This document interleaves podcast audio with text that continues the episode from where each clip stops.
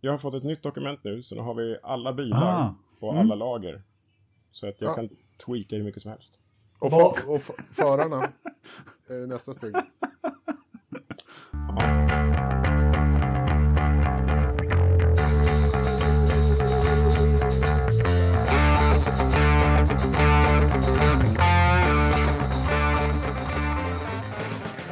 Vi hoppas att alla haft en fantastisk påsk och eh, ätit och mått gott och umgåtts med närmaste familjen. Och var inte bättre på en, vad är det idag, långfredag? Eh, Annan dag.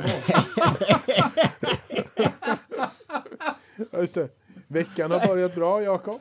Nej, men, vi- annandag påsk är det idag. Vi, vi, vi smalnar av den här långledigheten lite med 140 avsnittet av Forza-podden. Och eh, idag har vi fyra igen, jättekul. Joakim Dyrland, Anders Lövström, Christian Ridderstolpe och Jakob Engelmark. Ska ta er igenom det här avsnittet. Och ja, vad ska vi prata om idag? Har du något förslag Lövström? Nej, du har ju gjort planeringen idag. Ja, Ja. precis. Ja, men vi ska ta oss igenom, det var ju en ny klass som startade, Extreme E. Eh, sen ska vi prata lite Renault Formel 1, lite Saudi Formel 1. Eh, sen skulle vi försöka ta oss igenom det här med high rake och low rake och, och, och regler och varför man tror att Mercan inte mår något bra och Red Bullen mår jättebra. Har vi något annat? Ja, absolut. Eh, det har blivit en eh, ny medlem i eh, Grand Prix-förarnas organisation. Ja, just det. Ja. Eftersom den gode Grosjean har slutat där så tog, Ja, just det. eh, eh, vad heter det, Williamsmannen över. Russell? Russell, ja. Russell. Ja. Så att han eh, sitter på en eh, ja, Director of the Grand Prix Drivers Association. Spännande. Den, eh, Han ska Lite- komma och berätta lite om det sen. Ja, Okej. Trevligt. Ja. Mm. Eh, när startade den här? Var det på 80-talet eller? Var det inte Nicke Lauda de som startade upp den? Eller var det 70-talet? Ja. Alltså var det, eller, nu, nu är jag ute på lite tunn is, men, men Bernie var ju ledare för den här organisationen en gång i tiden och höll på eh, innan han köpte Brabham, om jag inte är helt ute och cyklar. Och, och, det som sen blev då den här organisationen. Så att, det är länge sedan i alla fall. The GPDA was founded in May 1961. Eh, Ja. Sherman var Sterling Moss, så jag hade ju fel på alla. Men den har väl varit lite fram och tillbaka den här hur den har funkat och så. För Så är det. eh, jag vet den startade väl upp direkt efter Sennas krasch eh, på Imola igen. Då hade den inte varit verksam under jättemånga år. Inte aktiv i alla fall. Nej, jag har för mig att eh, eh, någon gång på 80-talet så försvann den. Ja, ja. Men Lauda var ju en av dem som höjde rösterna för säkerhet i alla fall. ja. Eh, vi har en svensk som var chairman faktiskt. Vem kan det ha varit? Mellan 63 och 71. Joakim Bonnier, va? Precis. Och sen så hade vi Stewart, nu ser jag här, 72 till 78. Schechter 79 till 80. Pironi 80 till 82. Sen står det faktiskt att den vart upphörde mellan 82 och 94. Mm.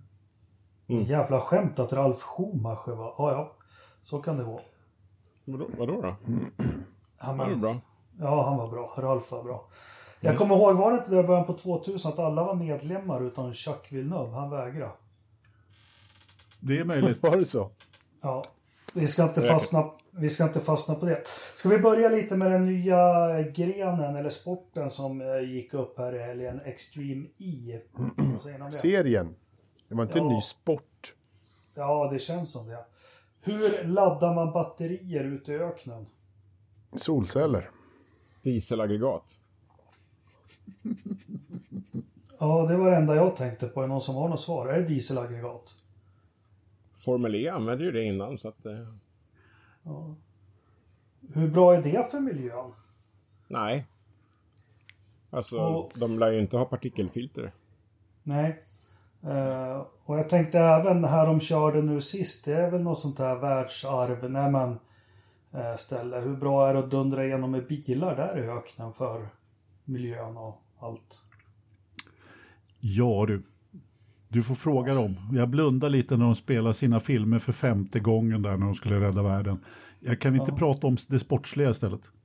Jo, men jag, jag har ju också de här, jag har ju de funderingarna. För jag har förstått det sportsliga är väl, man ska åka runt och rädda världen med det här. Det är väl så man marknadsför sig. Men vi kör det sportsliga. Jag, jag tittar lite på någon träning och kval 1 och, och, och hej och hå. Nej, det här var inte min pilsner. Vad säger ni tre? Jag har också tittat lite. Eh, jag har bara en liten fråga. här. Hur långa var specialsträckorna eller banorna? Det kändes som att de var typ 800 meter. Den var inte jättelånga. Det tog väl, jag tror det tio minuter totalt sett för, för de två förarna att ta sig runt varsitt varv inklusive depåstopp. Eh, så, så det var ju fem, fem minuter per, per person. Eh, så, ja, så jag tittade ganska mycket på det här eh, i helgen faktiskt. Och jag, jag tyckte det här var skitroligt. Jag tyckte det här var riktigt skoj faktiskt. Det, det, det, var, ju, det var ju jätteballt att se. Carlos Sainz var ju grym i, i kvalet att se när han studsade runt där. Att det, det gick inte jätte, jätte, jätte, jätte Det var inga 300 km i timmen. Det var snarare 130. Eh, men det var ju faktiskt ärligt skitsamma. Jag tyckte det var skitcoolt. Ja, men, Så här, det här är ju någon form, form av rally raid-variant kan man väl kalla det för. Och eh, där är det ju aldrig toppfarten som är grejen. De gör ju 200 de här bilarna. I Dakar till exempel så är ju bilarna eh, elektroniskt strypta till 180 km i timmen så att, eh, för att man ska kunna köra fortare. Och i de här förhållandena, en bil, jag menar, då har vi ju liksom de, startfältet, Sebastian Loeb, nio eh, liksom rally-VM-titlar. Eh, och, och så Carlos Sainz då som dessutom har, är det tre Dakar han har? Jag menar, om du ställer de där två på startlinjen så får du uppmärksamhet, konstigare än så är det inte. Men det, det som jag, liksom, om vi ska ta, titta på det positiva på den här serien så är det ju så här, för jag, jag var lätt skeptisk kan vi väl kalla det för. där, eh, paus bara. Här du eh, glömde nämna Mikaela Olin Kotelinski, STCCs segrarinna. Kommer. Just det. Ja, men precis. Jag tänkte kanske inte i samma andetag som, som, som Lööf och Sainz då, som är fantastiska Dakar-förare just på Rally Raid då. Nu är det ju det här eh, kortare eh, etappen naturligtvis. Men vilka var det ändå som, som vann och kom tvåa i det här? Om vi nu pratar den manliga delen av, jo, det var ju liksom rallycrossförarna, de som hade stor erfarenhet av rallycross. Vilket säger lite grann om, om format, om vi tittar på banan. Eh, jag menar, det var ju race fram till första, eh, andra kurvan egentligen. Man, man kör då genom portar liksom på, i en grus och sandbana. Och efter den, alltså Robin Nilsson som kommenterar F2 ibland och lite Indycar i, i Viasat sa det väldigt, väldigt bra. Han sa att det här är dragracing och sen lite bilorientering på det. Liksom. För det var precis vad det var frågan om. Där, när, man, när de hade kört igenom andra porten så var det så stort dammoln så att ingen kunde följa. Framför, när de körde tre bilar då på, på rad. När de körde alla de här kvalen och hela det kittet så var det ju Eh, då var det ju en bil på banan hela tiden. Men det, det jag verkligen gillar det är ju att, att de kör eh, killar och tjejer. Eh, att de delar på en bil och att de dessutom gör ett byte då på en, på en viss tid. Så att eh, eh många duktiga tjejer som, eh, som laddar på hårt. Och enda anledningen till att vi inte hade trippelt svenskt i finalen var väl att eh, Ekström hade, jag vet inte om han har valt, men hans eh, stallkamrat där, Hurtigen, ty, tysk Claudia hette hon kanske, Claudia Hurtigen, ja, hon lyckades ju skrota inte bara en gång, utan två gånger ganska rejält. Det var en väldigt spektakulär rullning hon gjorde. Så att, eh, Ja, för, först gjorde hon ju den där jätte, jättevoltan i, på kvalet. ja, Och sen eh, i eh, shootouten så eh, lyckades hon ju dessutom dundra rakt in i, i bilen framför. precis. Eh, och, och skrota två bilar i, på en smäll där. En riktig ordentlig eh, grej där också. Hon flög väl in i den andra bilen i princip. Ja, precis. det, Ja, var väl men någon alltså, det här, det var någon liten bergskam där. eller Exakt. Liksom en sten, stenkant hon kom över. Och sen lyfte hon in i den andra bilen. Ja. Ja, det var en jäkla smäll i alla fall. Ja, Det kan vara lugnt säga. Men du, Ridderstolpe, alltså min, på, på min negativa lista så står det ju formatet. För det var ju fullkomligt obegripligt. Nej, det, där är du faktiskt bara gammal. eh, eh, helt enkelt. Nej, ja faktiskt. Du, det är lite grann. Jag såg lite så här Tack, kommentarer Christian. om så här. Ingen fattar och så här. Men det, är inte, det var ju fan inget svårt att hänga med här. Jag förstod ingenting av de här kommentarerna. Att det var obegripligt, rörigt och så här. Men vad fan. Det var ju bara att hänga på. Eh, Kan du är dra en liten kort sammanfattning? Nej, det kan jag inte. Eh, Nej, det kan, nej men vadå, liksom, du, du kör kvalet och det är liksom bästa tid. Alltså jag gillar, vad, vad mycket jag gillar, jag gillade bestraffningarna, det var ju skitsmart. Fem sekunder per kilometer som du kör för fort. Det är ju genialiskt, vad fan ingen jävel kommit på det för? Nej, men det är faktiskt Alltså- riktigt bra. Jag håller med dig om det. Vi, där kan vi ju då när, ta inpasset med Mikaela Olin Kotulinski, för det var, det var väl hon som gjorde det. Ja, Hon, hon, hon, hon, hon, hade fick in inte in, hon fick inte in eh, pit limiter-knappen, liksom, så hon körde för fort. 75 sekunder var Ja, tillägget. precis. Liksom. Ja. Så, nej, men jag, jag tyckte det var ganska högt tempo. Eh, liksom, jäkla skoj att se när de körde. Kvalen gillade jag mest. Det är så här, kval, när de körde ensamma tyckte jag var bäst. Jo, Det var men mest intressant. Det, och sen var det ju liksom tyvärr i sand blev det ju helt jävla omöjligt att ligga efter. Fullständigt omöjligt att ligga efter. Så att då blev det ju bara ett sprintrace fram till kurva två som sa. Sen, sen var det ju bara ett stort rökmoln. Det var ju fullständigt omöjligt att se. De hade onboardkameran. Du, alltså jag skulle inte vilja ligga efter där. Och jag förstår att du bara... Nej, och frågan är, det, då, alltså det jag gillar med motorsport överhuvudtaget det är ju själva tävlingsmomentet. Liksom. Eh, det är ju därför som jag, visst rally är väl kul också att köra mot klockan men inte på samma sätt. Liksom. Men, Du gillar ju Dakar. ja, Dakar, då har du tävlingsmomentet också, bara det att det är väldigt, väldigt trångt. Eh, men, men här är det ju verkligen eh, så som du säger att ja, men tävlingsmomentet blev ju inte det här spännande utan eh, vilket på gott och ont lite grann då. då. Men eh, det man kan säga är ju att de här eh, eh, mot klockan när de körde kvalen då en och en och ladda på rätt bra och det var ganska spektakulärt och så vidare. Visst, är man lagd åt det hållet så var ju det ganska intressant. Det, det, ja, det som jag tycker ska bli intressant är hur det ser ut då i tävlingarna som kommer. Ja, Om jag tror att det kommer, kommer bli en annan, annan sak liksom när de kör på, eh, på något annat underlag som inte dammar så förbannat. Ja. Det kommer bli jättespännande. Nästa Vi lopp såg, är ju lacrosse i Dakar då, då och eh, det är ju det är ju en sandstrand i princip då. Så att det kommer förmodligen att damma hyfsat mycket. Men sen kommer de ju köra på Grönland. Då får man väl hoppas att det inte dammar sådär nej, jättemycket. precis. Eller så Ja. får man hoppas att de har lärt sig någonting, att de kanske inte bara damm, damm, att de så här vattnar lite eller någonting så att det inte dammar upp så mycket. För det här var, det var inget roligt. Vad säger du Joakim? Jag gillade väl idén. Jag tycker bilarna ser ju snorhäftiga ut. Man vill ju ha en gatreggad sådär direkt. Eh, sen har jag inte funderat lite, jag har inte kollat upp det där med de olika banorna, men det verkar ju kunna bli häftigt. Jag kommer att tänka på de här, eh, vad kallas de, stadiumcrossbilarna de kör i Australien. Alltså sådana här jättepickuper med tre meters fjädringsväg. Just det. Och hopp utlagda på eh, banan. Ja, just det. Just det. Nå- nå- nå- något sånt där eh, varv på eh, Albert Park med de här, vet du. Det, Ja, Då men, snackar vi. Ja, men man har ju gjort en verkligen en precis tvärt emot Formel E där. Här, här är det ju verkligen ute i ingenstans som man kör. Och, men jag är helt inne på ditt spår där Joakim, att eh, visst skulle man göra någon form av uppvisning i stan eller på någon stadio med de här bilarna. Så att, eh, för de är ju faktiskt väldigt eh, ändamålsenliga för just det. Det skulle vara ja, men typ eh, Race of Champions-aktigt. Eh, nå, någon sån här grej, definitivt. Men man har ju, jag vet inte, konceptet är ju tydligen att man har gjort nå, haft något jättefartyg där, där man har allting då, Race Control som ska åka runt i världen då och vara någon sambandscentral av något slag. Då, då.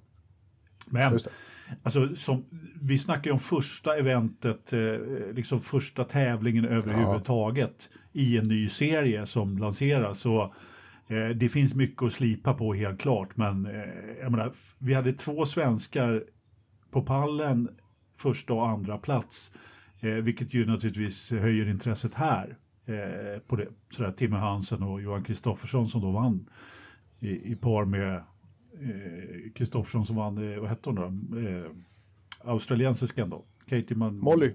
Molly. Molly. Ja. Mm, Molly, hon, hon var ju sjukt duktig. Ja, verkligen. Verkligen. Riktigt, riktigt jävla Ja, men, och det tycker jag också är lite, alltså det är ju dynamiken det här lite grann. Eh, och vad jag förstod så kunde man ju också välja vilken förare som skulle, skulle köra när, utom i finalloppet då. då. Så att, eh, ja, så man liksom kunde vara lite taktik där. Och sen då att, bara det att Chip Ganassi har ett stall, Andretti har ett stall. Med Zac Brown som teamchef. Ja. Eh, Det är lite spännande att Zac Brown teamchef i ett eh, Andretti-stall. ja, nej, men, eh, sen- ja, men sen har du Rosberg, eh, har Ja. ett, Jim, J, eh, Jenson Button har ett, Lewis Hamilton har ett och lite sådär. Så det är, inte, det är ganska hög profil eh, tätt i det här. Liksom. Det, Ja. Det, så att det är ja, inte vem som helst som har dundrat in pengar i det där. Verkligen. Ja, men Rosberg och, och Hamilton, Mm. som sagt. Eh, och, och, och just det här, jag funder, det jag funderade på efter den här eh, helgen var ju Jenson Button, har han, som då kör i par med Michaela, eh, har han ångrat att han satte sig själv där i förarstolen? Vad tror ni? Lite kanske. Ja, men lite tror jag. Det, Men han har ju pedigree. Hans farsa var ju champion i, i rallycross och, och det har jag alltid varit intresserad av. Ja, men rallycross verkar ju vara liksom grundstommen här. Eh, I och med att det är då starten som gäller i de här eh, tre loppen. Liksom. Men, alltså, Johan Kristoffersson, när han, han var ju liksom 100 meter efter Timo Hansen i finalloppet. Och på något sätt så lyckades han trockla sig om i det här jäkla dammolnet. Hur han gjorde det, jag vet inte. Jag har tittat på den där reprisen några gånger, men helt plötsligt så var han bara förbi. ja, men han har ju fyra, fyra sekunder hyperdrive eller vad det nu kallades. Liksom, Ja, de körde den, ja precis. Jag Pu-. Push to pass. Han gjorde jag tror att uh, Timmy Hansen gjorde den direkt och sen väntade Kristoffersson lite grann tills han hade fått upp farten lite och sen drog han in den för att komma förbi. Ja, men ändå Måste- liksom måste i det han här, ja, ja, i det här ja, dammolnet. Eh, Men precis som du säger, eh, Timmy han körde den i starten och de, Mm. ja, men eh, då Sebastian Löb då som låg i, också i, i Mm. bakhasorna där. Nu som sagt, återigen, niofaldig rallyvärldsmästare. Han vet hur man kör en sån här bil och Mm. får liksom dyngpisk utav båda de här rallycrossförarna. Liksom. Smågrabbar. Ja. Ja. Nej, men Jag vi, jag, jag får väl säga att jag är ljummet positiv. Jag ska ge den en chans till, men eh, eh, det, det är kul att några fastnar för. För mig var det ingenting, men som sagt, jag ska titta på det en gång till. Jag tycker du sammanfattade bra, Anders. Det var ju allt gällde starten i de här tre loppen. Jo, men så var det. Eh, eh, men det är, det är samma i Formel 1 också. Ja, Förutom att du har två timmar på dig att köra om där. När går nästa lopp då, Lövet? Ja, men det går ju då i La Croche i, eh, i eh, Senegal och det var, nu ska vi se, det var i maj någon gång. ja alltså början på maj. Det är ganska långt, men de kör ju bara fem stycken. Så att det är ganska långt emellan varje. Jag, måste, jag, måste, jag, jag tittade faktiskt upp det under eh, innan sändning här fast jag, jag lyckades glö, glömma bort det. det. Mitt minne är så här fantastiskt bra men långt. 29 till 30 så det var precis i början där, Christer. Precis i början på maj. Men jag visste, Ja. ja. okej. Slutet på maj, förlåt. Men det är ju en Ja, väldigt men- pandemivänlig sport. Ja, Ja, verkligen. det är det verkligen. Eh, om de eh, är långt ifrån publiken, så att säga. Och eh, sådär. Så att, eh, Ja, Ja. alltså Lac Roche då som jag tjatat om några gånger, där körde man ju alltid sista sträckan i Dakar då förut med, på stranden med såna här fantastiska helikopterbilder då efter.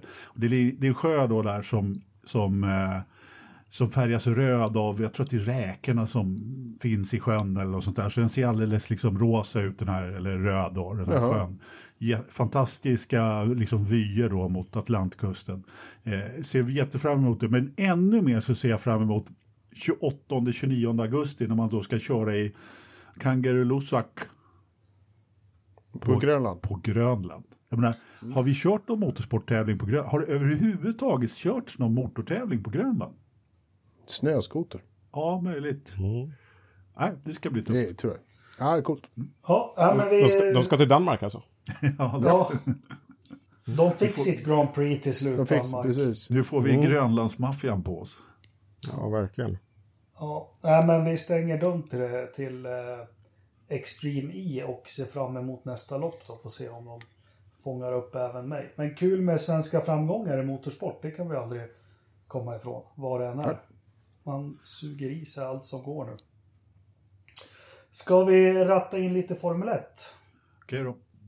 Ska vi ta det här med Rake? Ska vi ta det där med Reik för en gång?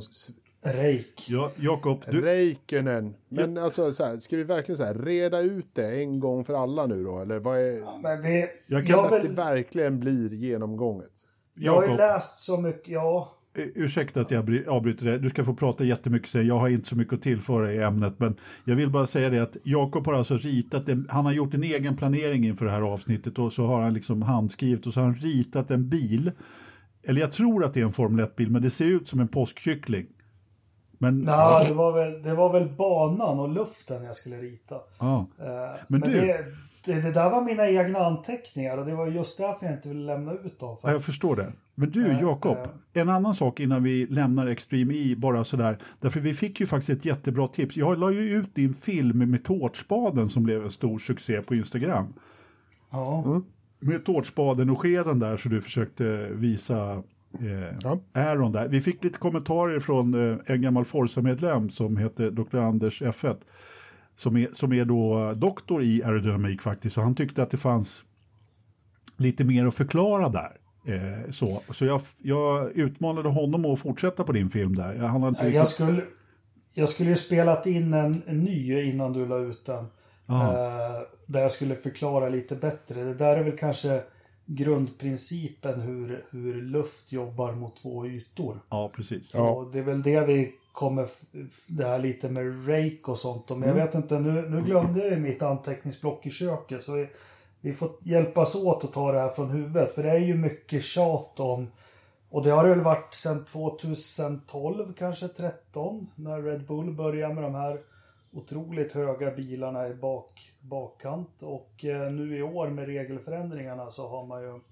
Först trodde ju alla att de som hade ingen rake alls, det vill säga en helt platt bil. Eh, då pratar vi om golvet på bilen, hur det ligger jämte mot banan. Då.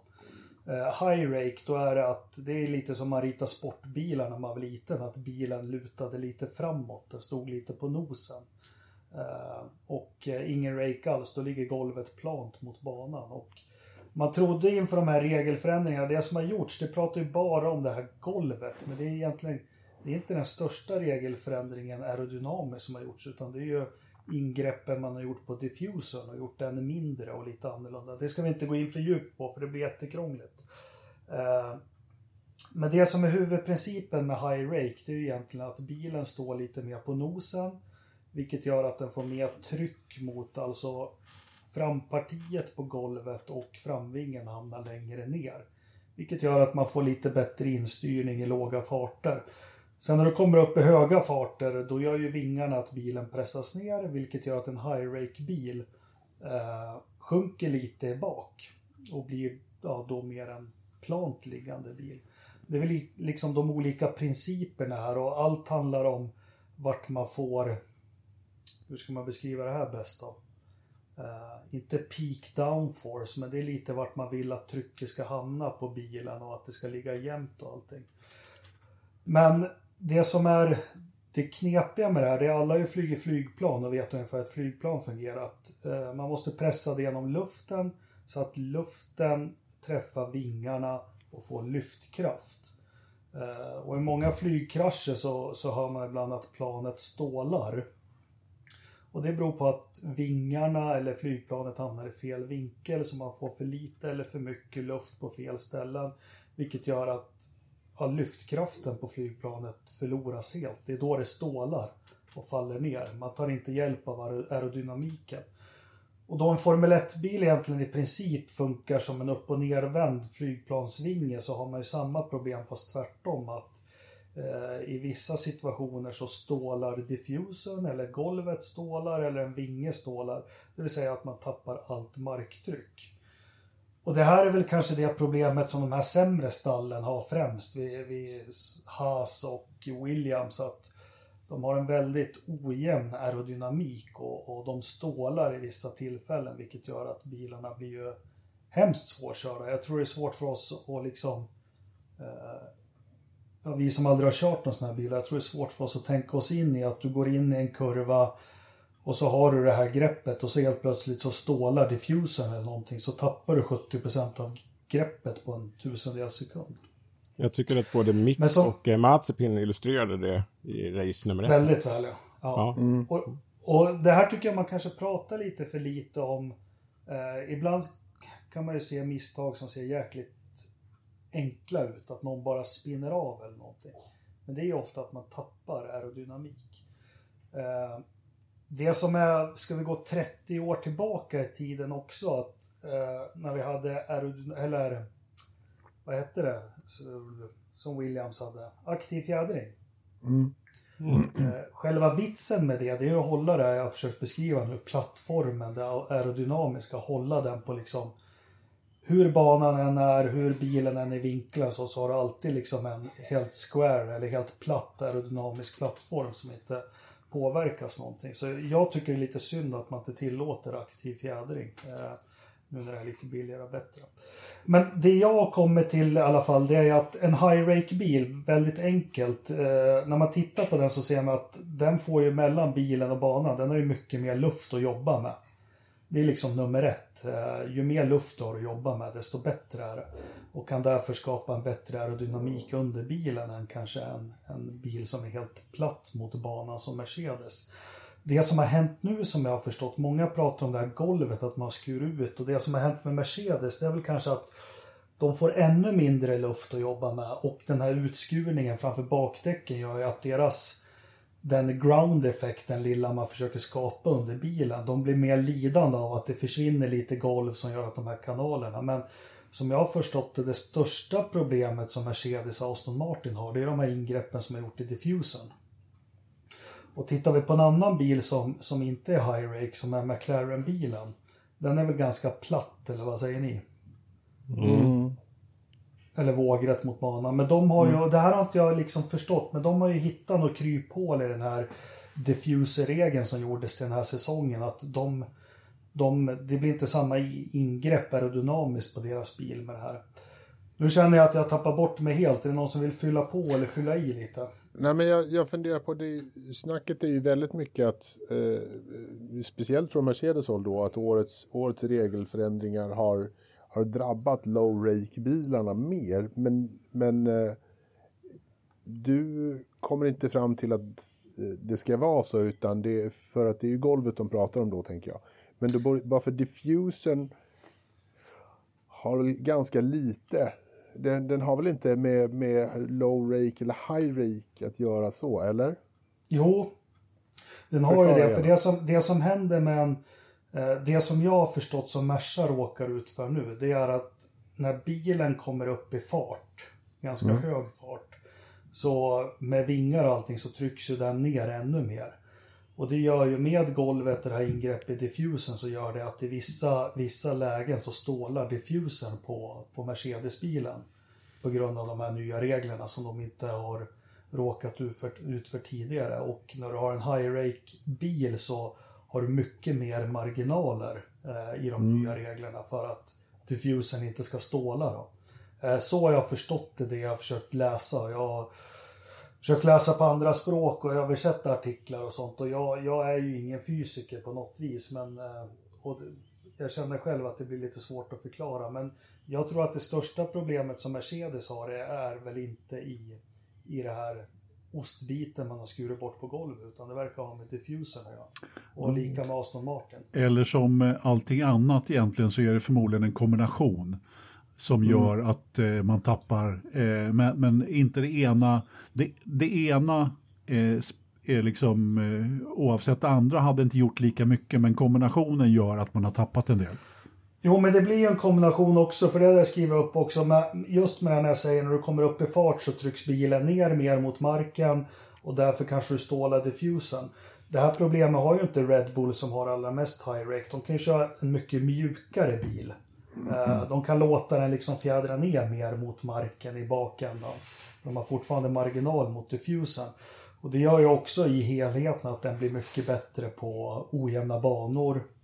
Som jag har förstått det så Eh, När de har tittat på försäsongstesten har de tyckt att Red Bull-bilen går mycket bättre över curbs än vad, Eh, jag tror att Martin Brundle som sa det på någon videoreportage jag såg. I, och det måste ju ha med det att göra, att de kan köra bilen lite mjukare. Eh, Medan Mercedes måste styva upp sin bil för att den inte ska sjunka ihop för mycket och ståla diffuser. Och det kan väl också då eh, ha en... Det är väl också det då förmodligen som har en positiv effekt på, på Ferrari som också har börjat köra mera, mera rake eh, det sistone än de har gjort förr om åren. Eh, och, och då på så sätt kanske de... Motorn kanske inte liksom...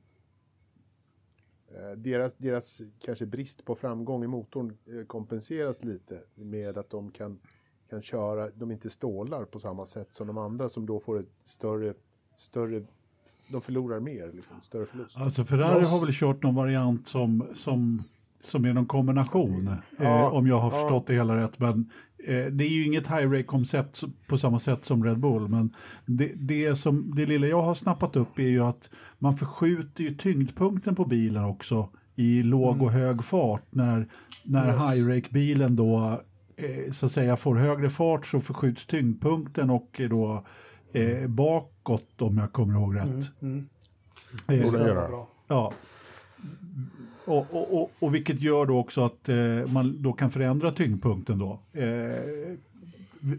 och gör att, Ja. att, att Red Bull-bilen är, är väldigt bra i, i långsamma kurvor och så vidare. Och, eh, men kanske inte riktigt bra i de här snabbare partierna då, men man tar igen det på de långsammare om jag har förstått. Men, men, men Joakim, du tipsade oss precis innan. Hade Gary Anderson haft någon utläggning om det här?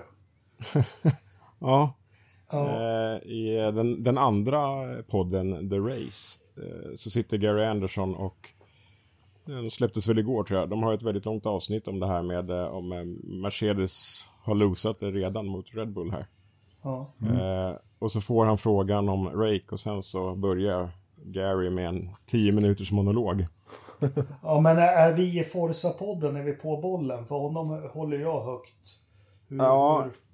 hur, Jag, jag satt och lyssnade när jag åkte och handlade. Jag hade behövt stanna för att ta till mig allt. Men ja, eh, vi är väl på banan, Men sen, det finns ju så mycket grejer som vi inte vet och, och hur stallen har jobbat och sådär. Och en intressant sak som han sa var att det är ju, det är otänkbart att Mercedes eh, eller eh, Aston Martin inte hade märkt det här i vindtunneltesten inför eh, det väldigt korta försäsongstestet. Och varför ingen av de två lyfte luren till den andra och sa bara eh, hej, vi har ett litet problem här tror jag. Är också en gåta. De måste ha vetat förutsättningarna. Bara, ah, okej, eh, ostbiten och den eh, lägre diffusorstaketet bak har gjort det här och det här. Eh, med våra koncept.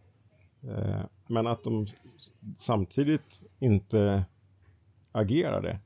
Eh, det, det är där gåtan ligger. Ja.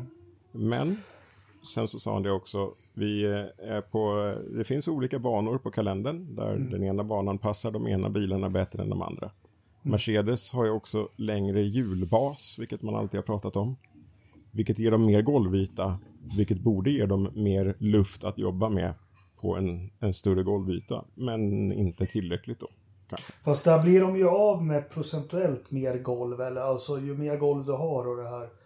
Om det har med det att. Jag Ja, skulle, men jag inte... jag jag skulle hann säga så här. Jakob, att, eh, eller och Joakim, att, eh, och- Christian också för den delen, att Tack. Tack, varsågod. Eh, att, nej, men den stora frågan här är lite grann, som du var inne på Joakim, eh, vi har varit på en bana. Eh, vi ska köra 23 banor i år, vi har 22 kvar. Det har vi sagt, det har vi tjatat om många gånger här i podden att man måste vara bra på alla banor.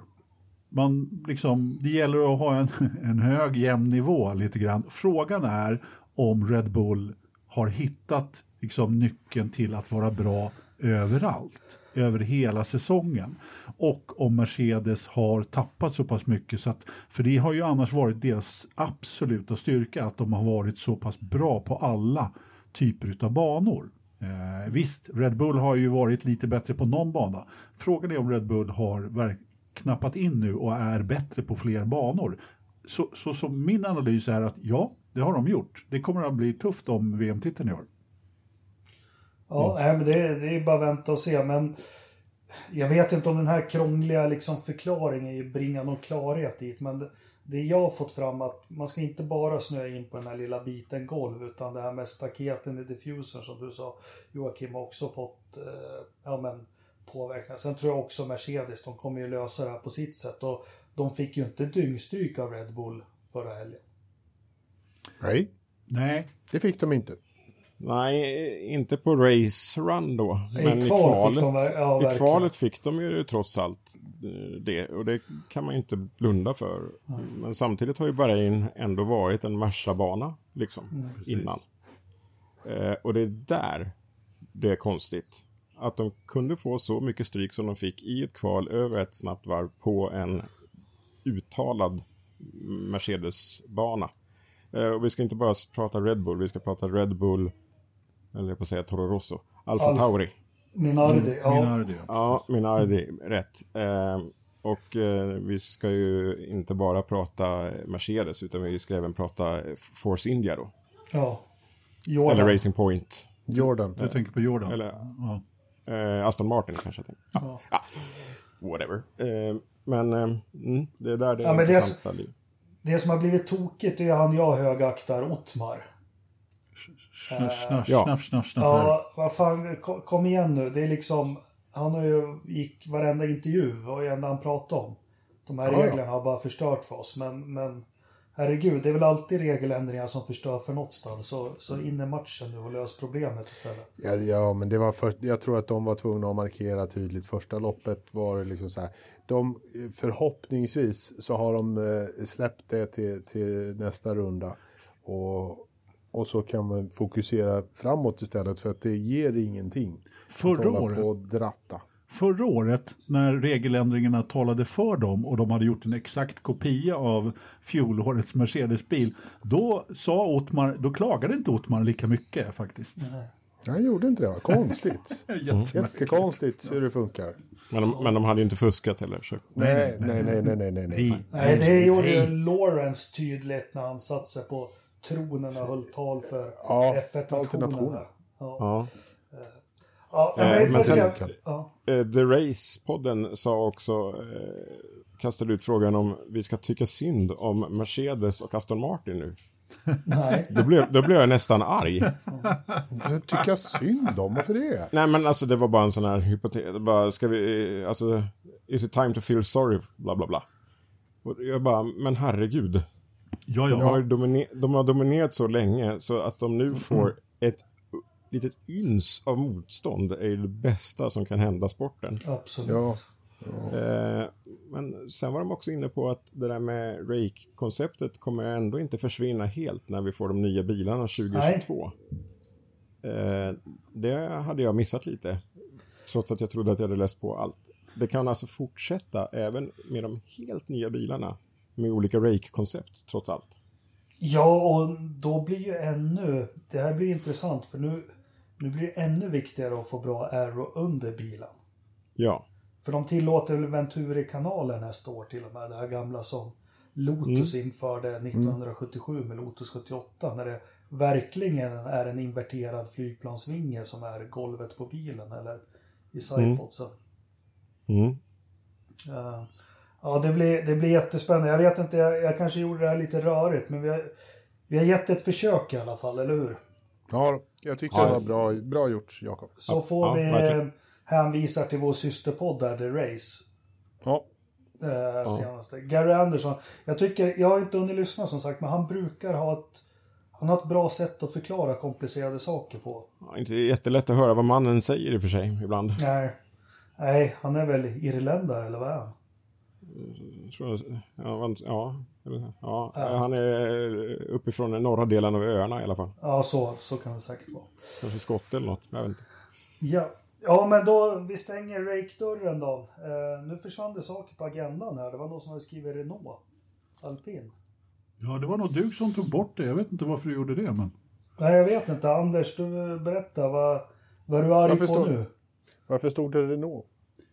Han är från Nordirland, Gary. Ja, Han är Alpin? Ja, han är. Nej, men vi skulle ju prata... Vi pratade ju, vi pratade ju om att vi skulle prata om Renault. Jag hade skrivit... Eh, vad hade jag skrivit? Jag hade skrivit en, eh, en tragedi i fyra akter, eller om det var fem. Eller en komedi. Just det. Ja. Eller om alpin är en komedi. Nej, men det har ju framkommit lite nya saker. Vi, alltså, vi har pratat Renault i den här podden eh, rätt många gånger. Och fram och tillbaka, deras plan. De skulle vinna lopp 2020. Det gjorde de inte, deras plan. Eh, och eh, i en intervju då med Matthew Carter så har det framkommit eh, där han berättar egentligen spelet bakom eh, Renaults köp utav Lotus under de åren. Ridderstolpe. Vem han? Vem, vem är han? som Gamla CA, CAO för... Eh, CEO. CEO. VD.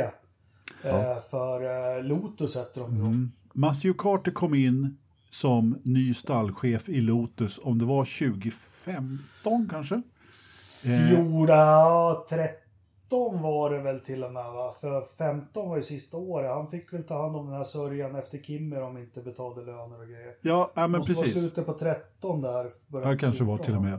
I vilket fall som helst, det han gjorde var att han vände ju deras... De gjorde alltså 65 miljoner dollar i förlust på en omsättning på 130 eller någonting i den där stilen. Så att, eh, det var ju Jenny Capital då som var storägare i, eh, i Lotus på den där tiden. Och eh, som sagt, det var väldigt mycket som inte var okej. Och, och, och Matthew Carter då, han var ju en affärsman som kom in i det här. Och eh, berättade ju då lite grann om att ja, men jag måste ju liksom ta, ta tillvara mina ägares intressen. Och eh, vad gjorde han då? Jo, man hade då två förare. Man hade Maldonado och Grosjean. Och Maldonado tog då med sig 30 miljoner dollar in i Lotus för att eh, så att säga köra.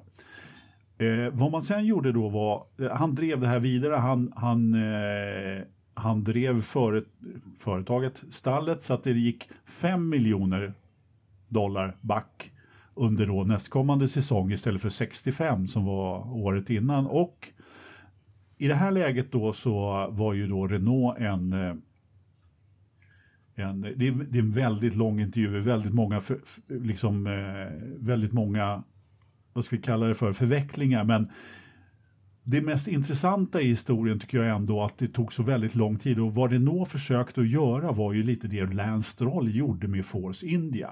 Man försökte helt enkelt driva Lotus i konkurs för att kunna ta över det på ett så billigt sätt. Och det här förhindrade Matthew Carter ganska bryskt för han värnade ganska mycket om då alla personal. Han hade ju blivit tvungen att säga upp massor med personal eh, för att liksom överhuvudtaget överleva som stall och eh, aktieägarna ville inte tillföra mer pengar i det här läget. Och då sätter han sig i förhandlingar med Renault om att eh, Renault då ska köpa företaget. Och vi kommer ju alla ihåg det här.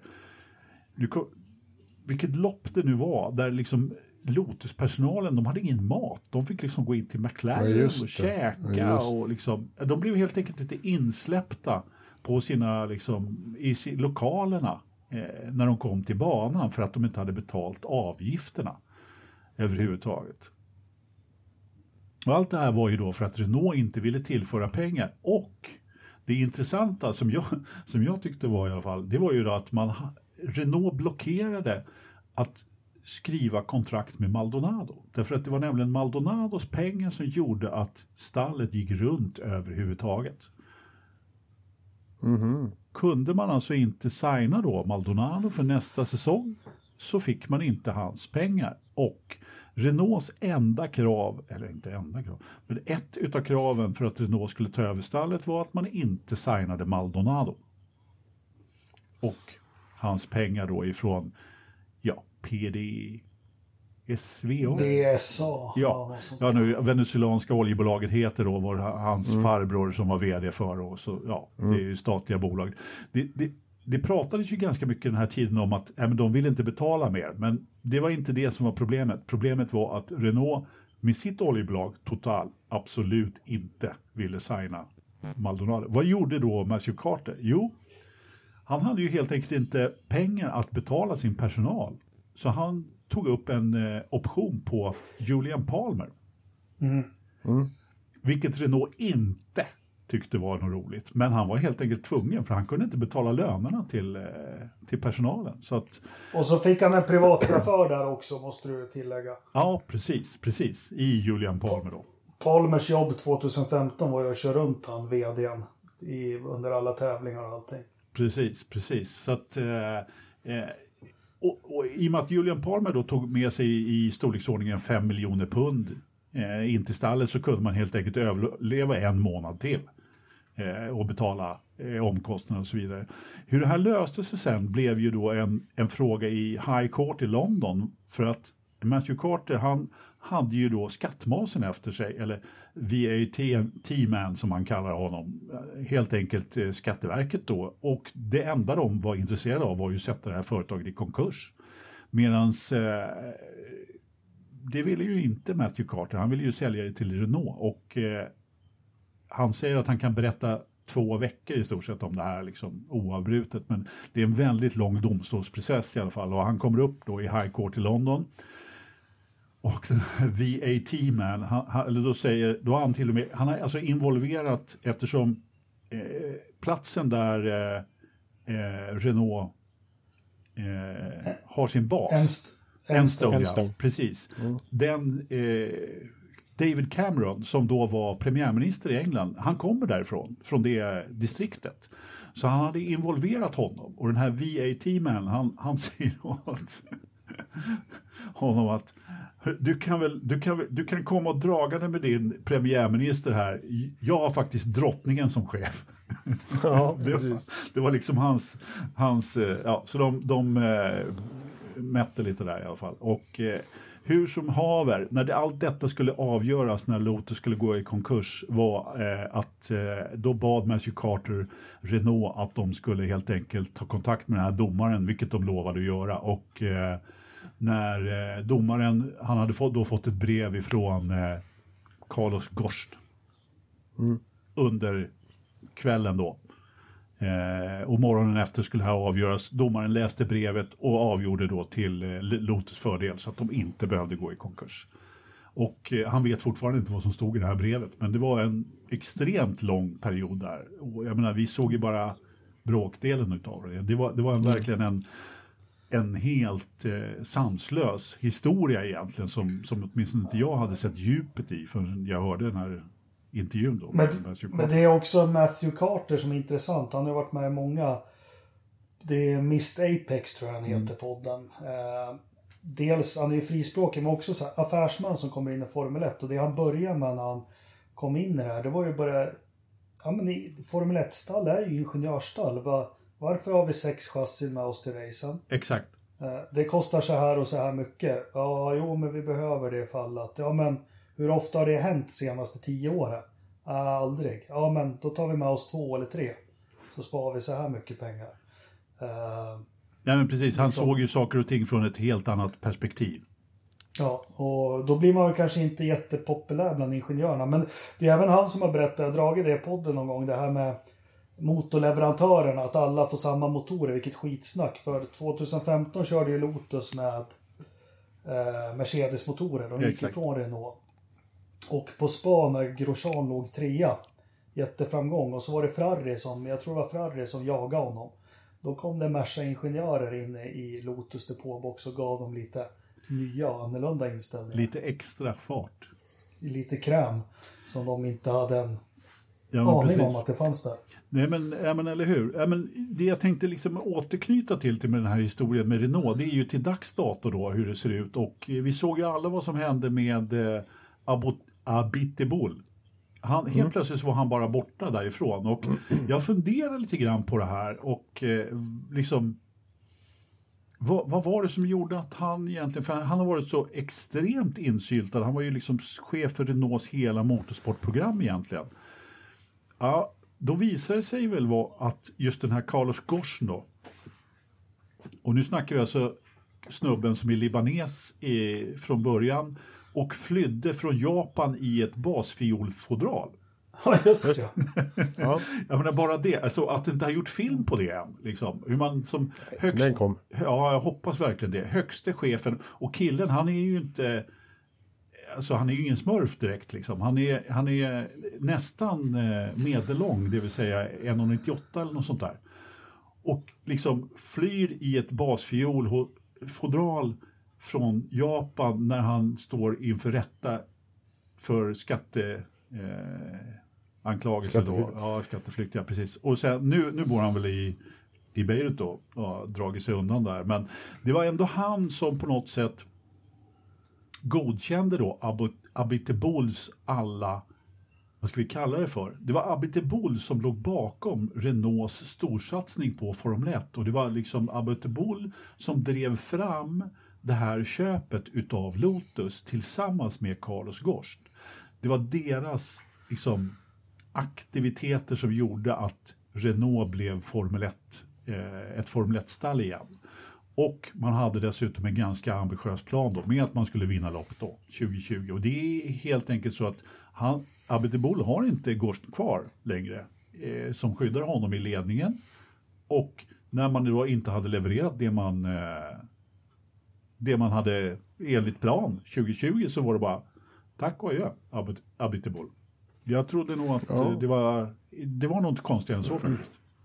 Nej, Vart är- det var det. Han, han han förlorade sin, sin vän i, i ledningen helt enkelt. Ja, och det hade kanske inte ens hjälpt om han hade varit kvar då. Men eh, för, i och med att det var liksom, Abiteboul var starkare. Jag vet inte vad han gör idag faktiskt, jag har ingen aning. Jag har desperat letat efter intervjuer med eh, Cyril eh, om vad, vad, vad, vad hans take på grejen är. Men innan det här, när namnbytet först blev klart och de visade alpinbilen på den virtuella bilsalongen. Då var det ju sagt att eh, Cyril skulle steppa upp och ta över Ja, alpin Just det. och Renault Sport som skulle ha- vara en subdivision men inte inom Formel 1 då.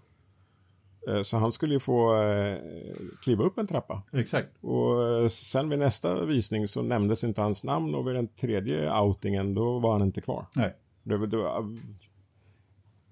jag, hopp- jag kan inte vänta länge till men jag vill verkligen få hela det här spelet. Och vem gjorde MotoGP-värmningen där liksom? Vad, vad, Ja, jag tror inte att det var Abiteboul. Men nu, det här är ju gissningar nej, nej. naturligtvis. nej, det var inte han. Nej, det var ju den nya ledningen då för eh, Renault Nissan där liksom. Ja, pre precis. Spännande. Vi, vi får Ja. väl se. Jag ser fram emot en, en första intervju med Cyril. Ja. Bra Kommer redo. i, i Forza-podden nästa vecka då. Ja, men vi, jag får, väl- vi får väl ringa lite, Jocke. Ja, Gra- grabben har ju läst ett halvår franska så han kan ta den. Ja, det är bra. perfekt, perfekt. Så, ja. Ja, men spännande Anders. Bra att sammanfatta. Jag rekommenderar även det här Mist Apex när han är med i de eh, avsnitten. För han, han är frispråklig. Ja, han säger, han, han pratar rätt ur hjärtat. Ja. Sådär. Ja, riktigt bra, riktigt bra. Ja. Saudi är det någon som har skrivit. Det är jag. Ja, Ja, kör Joakim. Eh, Kör. ja, vi ska ju till eh, ännu en ny eh, nation eh, i Formel 1. Till Jedi Street Circuit, som jag tror blir det officiella namnet. Det var i alla fall det jag skrev på eget initiativ i Formel 1 och Indycar-magasinet. Just det. För då hade man inte offentliggjort banans namn ännu. Eh, det här är en intressant bana av många anledningar, tycker jag. Det är ju en Tilke-bana, Herman Tilke, som väl har designat alla de nya banorna de senaste 20 åren, känns det som. Yes, säger vi då. ja, ib- wow. ibland, ibland slår han till. Han lyckades bra i Norge. I Norge? I Norge? Ja. Ja, Eh, F1-banan i Norge, vet ni inte? Ru- Rudskogen. Rudskogen. Har, har Tilke designat den? Ja, visst. Det var ny Ja. information från mig, men, men eh, jag... jag eh, Okej. Du kan smälta det så länge då. Ja. ja, precis. Jag blev helt mållös. Mm. Eh, men Jedi Street Circuit då, den mäter 6175 meter. Hoppsan. Det gör den alltså till den näst längsta banan i kalendern efter Spa. Vad är den? 7009 eller vad är den? 7000? Ja, 7024 eller vad är det? Sju, Ja, det är sju något så kilometer är det i alla fall. Vi kan väl avrunda det till det. Men det Kan titta blir... i F1, F1 och Indycar-magasinet här vet du. Där. nu sätter han sig på old school och bläddrar i så här, något pappers aktigt. Papperstidning. Eh, Ja, visst. Ja. Där har vi den. Belgien eh, läste jag här någonstans. 7004. Men du, eh, eh, Dyrand, heter det inte, Mm. heter det inte Automotor on Sport Edition F1 och Indycar-magasinet 2021? Jo, du fick in hela där. Vad Ja. duktigt av dig. Mm. Ja. 7004, det är korrekt ja. Oh! Ja, Eh, jo, eh, men det är inte det som är det intressanta. Längden här då, 6175. Den har även 27 svängar. Varav 16 är åt vänster och 11 är åt höger. Eh, den är ju då i princip helt plan. Eh, sådär som alla tråkiga street circuits kan bli. Eh, men den kommer ha en snittfart på 249 km i timmen. Dra åt. Ja, Det var Vilket- åt, åt helvetiskt långa raksträckor. Ja. Eh, Det gör den då till en av de absolut snabbaste banorna och framförallt den snabbaste street circuit-banan, eller vad man ska kalla det då, av dem alla. Eh, Som en jämförelse då så Albert Park är ju faktiskt en street circuit i Australien där. Det är lite svårt, det känns verkligen som en, som en racerbana, men det är ju en Lite semi En egentligen, men, men visst är det en gatbana, ja. Ja. Där har man en snittfart på 236 km i timmen. Och i Baku, som känns snabb med sina långa rakor men är lite knixig uppe i Gamla stan där, där har man en snittfart på 214 km i timmen. Och det här var då 249. 249, 250 km i timmen i snitt. Och jag har ju suttit och kollat på lite så här äh, förare som har kört den i Assetto Corse och såna här. Den har redan kommit in i de här programmen. Den ser inte rolig ut. Eh, framförallt så ser den ut att ha otroligt mycket kombinationer av höger, vänster, höger, vänster, höger, vänster. Som liksom går in i varandra.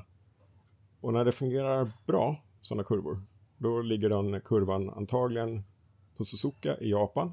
Vi vet i början där, vackra S-kombinationerna. Eller så ligger den på Silverstone, eh, Beckets kombinationerna där.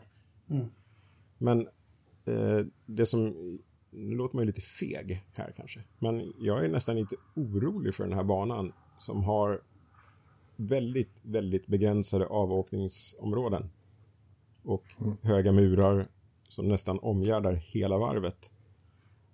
Och eh, är det någon som får en eh, twitch i bakvagn här, då, eh, då går det fort in i teglet liksom. Om någon stålar diffusen för att... Exakt.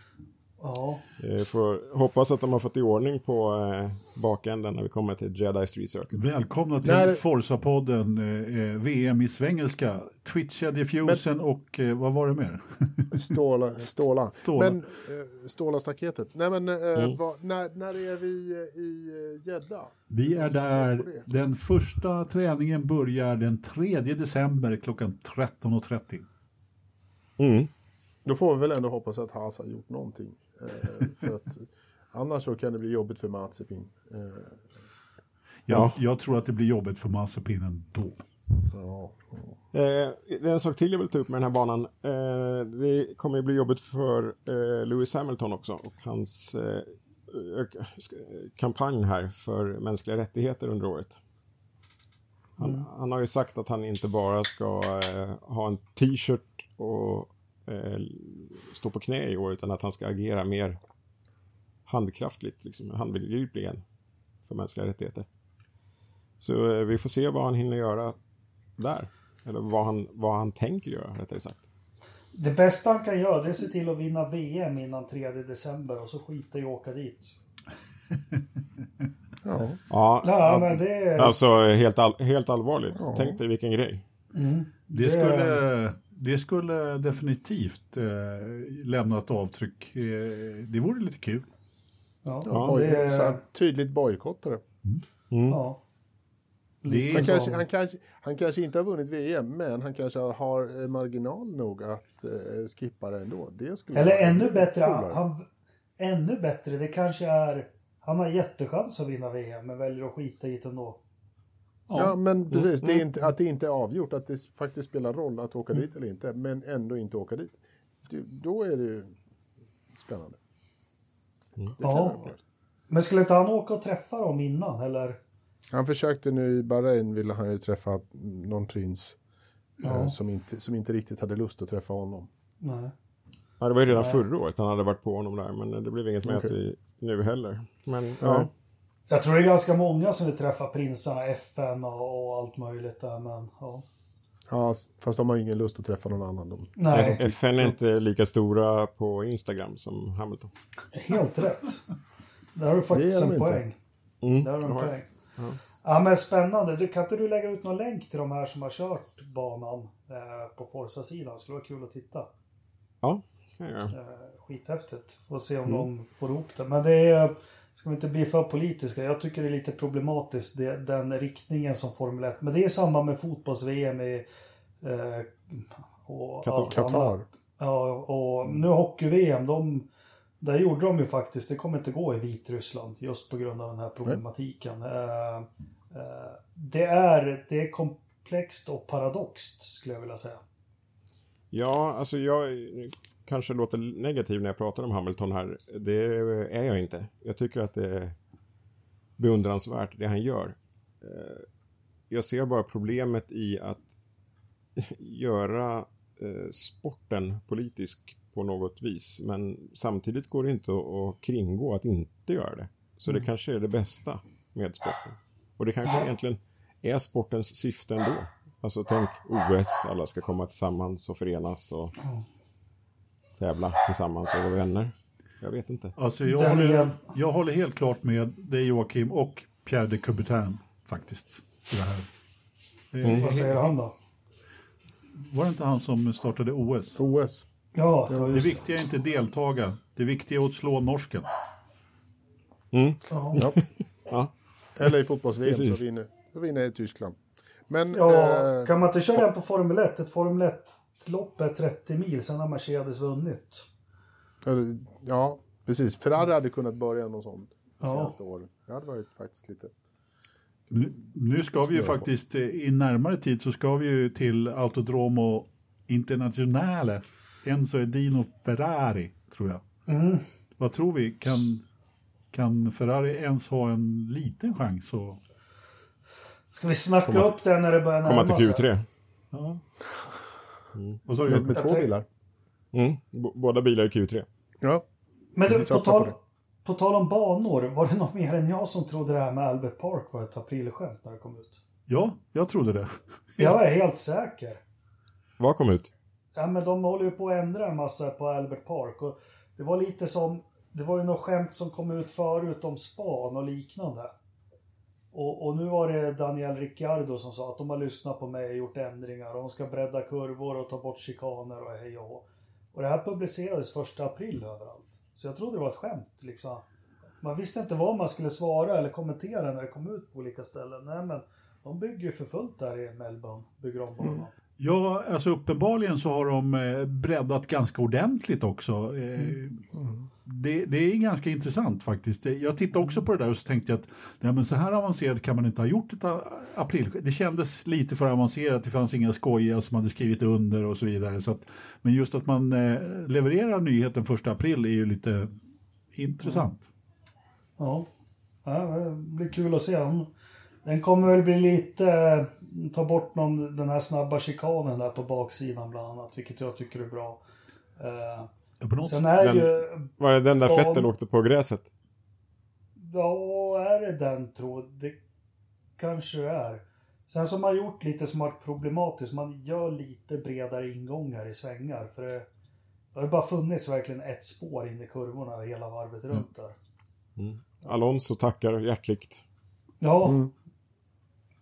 Precis, han kanske Eh, om Och. Fettel då, om det nu är den kurvan de har eh, Ja. breddat. Alltså, eller chikanen de har. När är det vi ska till Australien då? De har ju lagt om så det är nitt- i oktober november. november. November, 19, oktober. 19 november börjar det i Australien. Så det, är- det är också ganska långt tillbaka. Men jag såg att man hade ju breddat något helt enormt där. Det var någon, något ställe man hade breddat med sju meter. Jag vet inte riktigt. Det blir ju som en par, parkeringsplats. Ja, ja. Det blir säkert bra. Ja. Om, Breddat med sju meter. Äh, så att banan blev sju meter tror jag. Ja, herregud. Jag, tänk, jag tyckte faktiskt så här, breddat med sju meter. Det var verkligen så här Det ju som sista, sista, sista kurvan i Texas. Ja, ja precis. Eller Ja. när man körde Indycar på flygfältet i Cleveland. Exakt. Då var banan 43 meter bred. Nej, det räcker inte ens. Så man Nej, hade... det räcker inte, det var nog 60 meter bred, men inte 100. Precis. Det var sjukt. Och sen bara rakt ner in i en kurva som var tvåfilig. Ja, precis. Ja. Ja, Usch, börjar vi prata Kota, den får jag ångest av. ja fast det gjorde vi inte. Vi undvek Nej, det. vi skiter i Det är därför jag Eh, kör in på Cleveland. Vi inledde ju podden med övrig motorsport, Anders, så du har ju fått prata av det ganska rejält här. Men jag Ja. tänkte, in, Indycar, har vi några nyheter därifrån? Eh, man har ju testat lite här och... Ja, Nej, eh, jag har ingen eh, övrig information annat än att eh, testerna, det var, nu ska vi se, det var på Texas som man körde lite va? Ja, Då nämnde vi Kota igen då. Ja. ja. Ja, just det. Nej, men, nej, nej, nej, inte på Kota utan på Texas Motor Speedway. På Kennys oval. Precis, Ja, exakt. precis. Precis, precis. Eh. Och eh, Pat O'Ward var det väl som var... Han körde ifrån Felix rätt bra. Test är ju test, men... Ja. Ja, Ja. Nej, men annars har jag inte så mycket att tillägga annat än att eh, det jag skulle säga förut var att eh, vi har... När jag började med din film där med tårtspaden så var det så att vi fick eh, många som ville att du skulle göra en ny video eh, och förklara Extreme E i sandlådan. Har du någon sandlåda på tomten så att du kan... Eh, nej, men det kan vi ordna. Ja, jag får lite, precis som när du får en slant över, jag behöver lite tid över. Men jag, jo, men det kanske jag ska göra någon liten video och förklara det. Ja, Eh, jag tycker eh, det låter bra. För, för, framförallt konceptet så att vi andra förstår det på sandlådenivå. Då, då måste jag dra jättelånga skarvsladdar från grannen och sno el också när jag laddar upp bilarna. Mm. På något vis. Ja, ja, men vi har ingen övrig motorsport heller. Eh, Anders är lyrisk över att danskarna eh, är så representerade i de lägre klasserna som han följer. Eh, vi andra följer ju bara elitsport som sagt, men Ja, det har varit lite Eh, F, eh, F3-tester. Förlåt Joakim. Precis, det var det jag skulle säga där. Ja. F3-testerna. På, eh, i, eh, I Österrike faktiskt. Så, Mm. att- Som har kört ja. lite grann. A, A1-ring. Ja, exakt. Och Red Bull Ring va? nej, A1 ring. A1-ring. Ö- A1, Österreichering. Och just Österreichring, ja. precis. Nej men eh, i och med att man har nya varianter då med F2 och F3 så kör ju då F3 support till eh, Formel 1 eh, hälften av loppen och F2 hälften så att man kör aldrig samtidigt. Men man har ju kört lite tester där i alla fall och eh, men jag tycker att det är ganska intressant att vi har eh, två danskar, Fredrik Westi och eh, Oskar, som jag nu har glömt namnet på. Rasmussen kanske, det brukar de heta i Danmark va? Rimligt. Ja. Rimligt. En, en, en gissning i alla fall. Eh, och, Mm. och sen så har vi faktiskt en, en eh, norrman också som heter Dennis Hauger som kör. Så att, eh, men ingen svensk är någonstans. Utan alla svenskar verkar ha åkt efter, över pölen och kör i USA då. I, i de lägre klasserna. Inget fel i det naturligtvis men jag hade gärna sett en svensk i F3. Alltså. Ja. Men det Hauger kan... träffade jag har på Anderstorp. Ja, gjorde du det? Okej. Ja, han körde Carrera Cup. Ah, just det, det gjorde han ja. Är han snabb? Mm, verkligen. Är han snäll? Ja, för helvete. Alla norrmän låter glada, så att jag tror... Ja. Precis. Ja, det, ja, det berättar jag för ja, norrmän. Låter, vet du hur de låter när de är arga? Nej, Ja, aldrig de- upplevt. Ska jag dra en liten anekdot när eh, i ungdomens dagar, eller var det sista utomlandsresan, jag var 25 år, vi åkte kompisgänget till Ios. Det är alltså en, grö, en ö i grekiska öriket. Det är bara en stor jävla högtalare Ios. Eh, tar fem minuter. Men då var det några sådana här värstingar från Norge som skulle mucka gräl med oss. Och de var ju skitfarliga på riktigt. Jag har ju aldrig slagits i hela mitt liv. Men han stod och knuffade på mig och såg jättearg. Och vet ni vad han sa? Nej. Ska jag pippa dig? Ska jag pippa dig? Ja. Och det, då snackar vi paradox också. För förstå, han kan ju döda mig om han vill. För de var väl bara där för att slåss. Men han lät jätteglad och artig och frågade Ska jag pippa dig? Ska jag pippa dig? Ja. Nej tack, sa du. Eh, nej. nej, jag sa Nej. ingenting. Jag la väl benen på ryggen mest. Men det var jätte... Det, det gick inte att vara rädd liksom. Ja, ja, nog, nog om det. Eh, jag måste börja röra mig mot stallet. Så ser min vardag ut. Eh, ja, du hade en speciell dag idag, förstod jag. Ja, vi ska fira lite bröllopsdag också på kvällen. Så. Och så det är ridning för dottern och... Ja, Så här på långfredagen. ja på långfredagen. Fast det är ju annandag påsk. Eller kortmåndagen.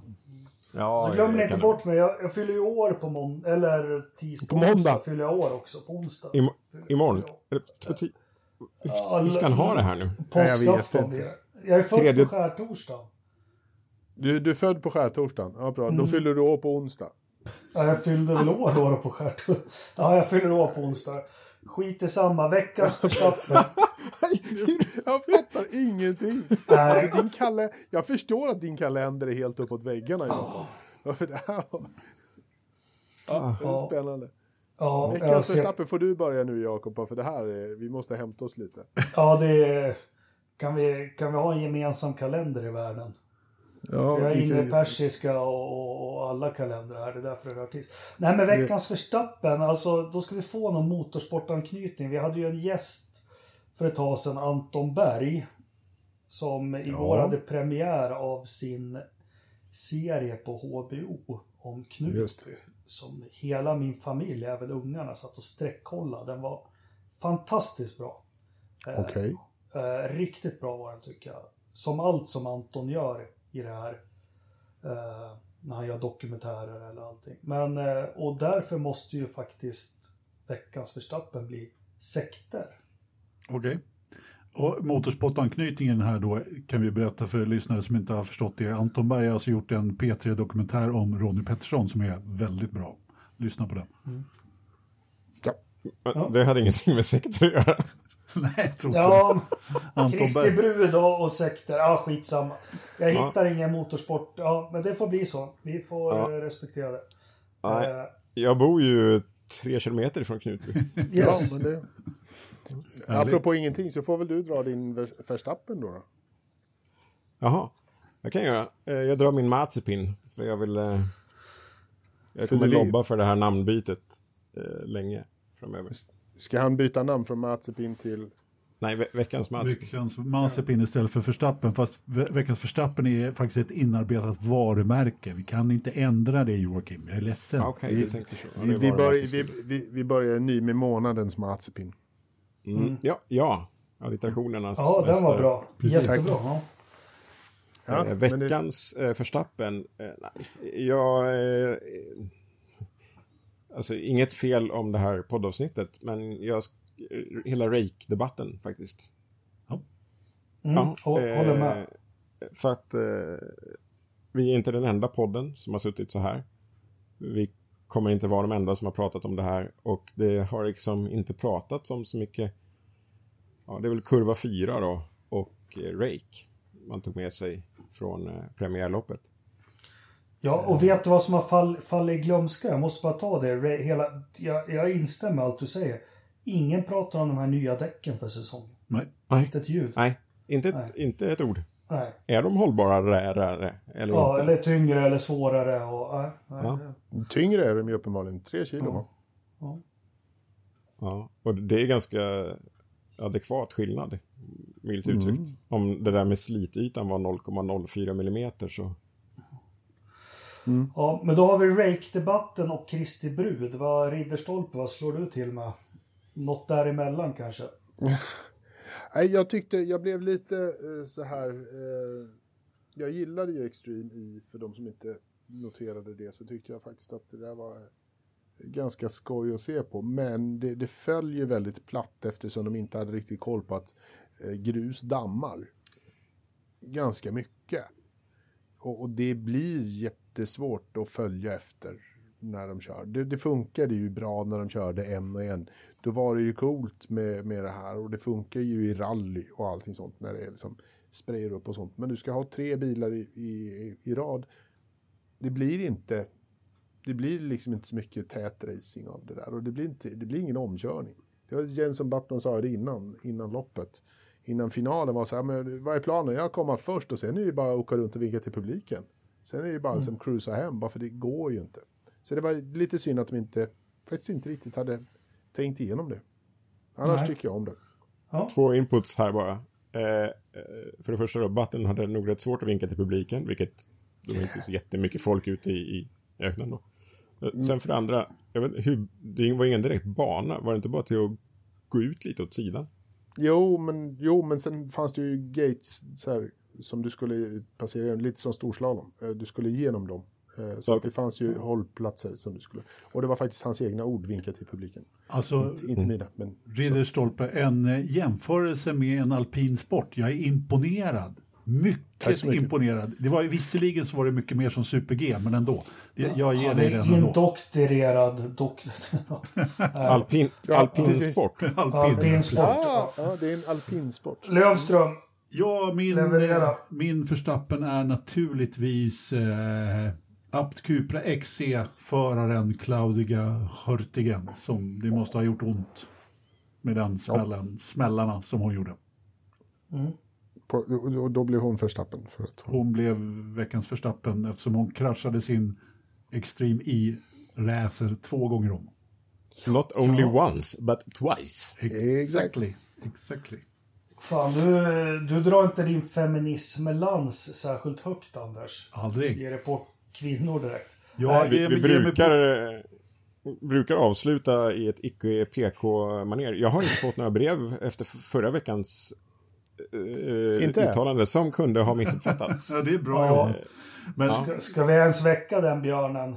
Ja, han, nu, Nej, jag, vill gärna, alla- jag, kan, jag, jag kan lika gärna ta upp det. det var inte, Ja, ja. Jag sa någonting om att eh, Hamilton skulle vara med och bygga banan i Jeddah. Eh, det var ju menat som att han skulle vara där och se till att den byggdes eh, enligt eh, mänskliga rättigheters regler, så att säga. Och precis meningen innan hade jag sagt, det blev nog lite haka upp sig där, att de drar väl bara in slavar i vanlig ordning som sköter Ja. det. Eh, ja, precis. Ja, det kunde ju lätt ha... Jag hörde inte ens att du...